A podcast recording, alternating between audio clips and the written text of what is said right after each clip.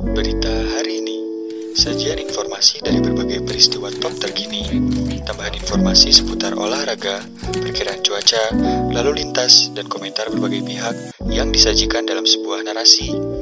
Yang bisa Anda dengarkan di mana pun dan kapan pun.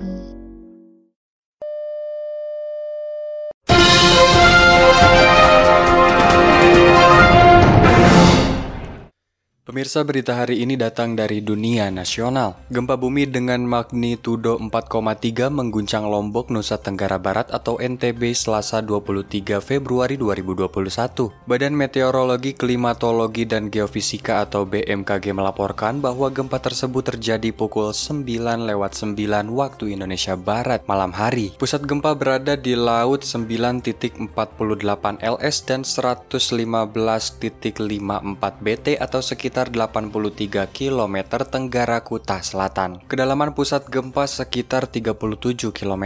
Guncangan gempa ini dirasakan di Lombok Tengah, Lombok Barat, Kuta, hingga Mataram. Belum ada laporan kerusakan akibat gempa tersebut.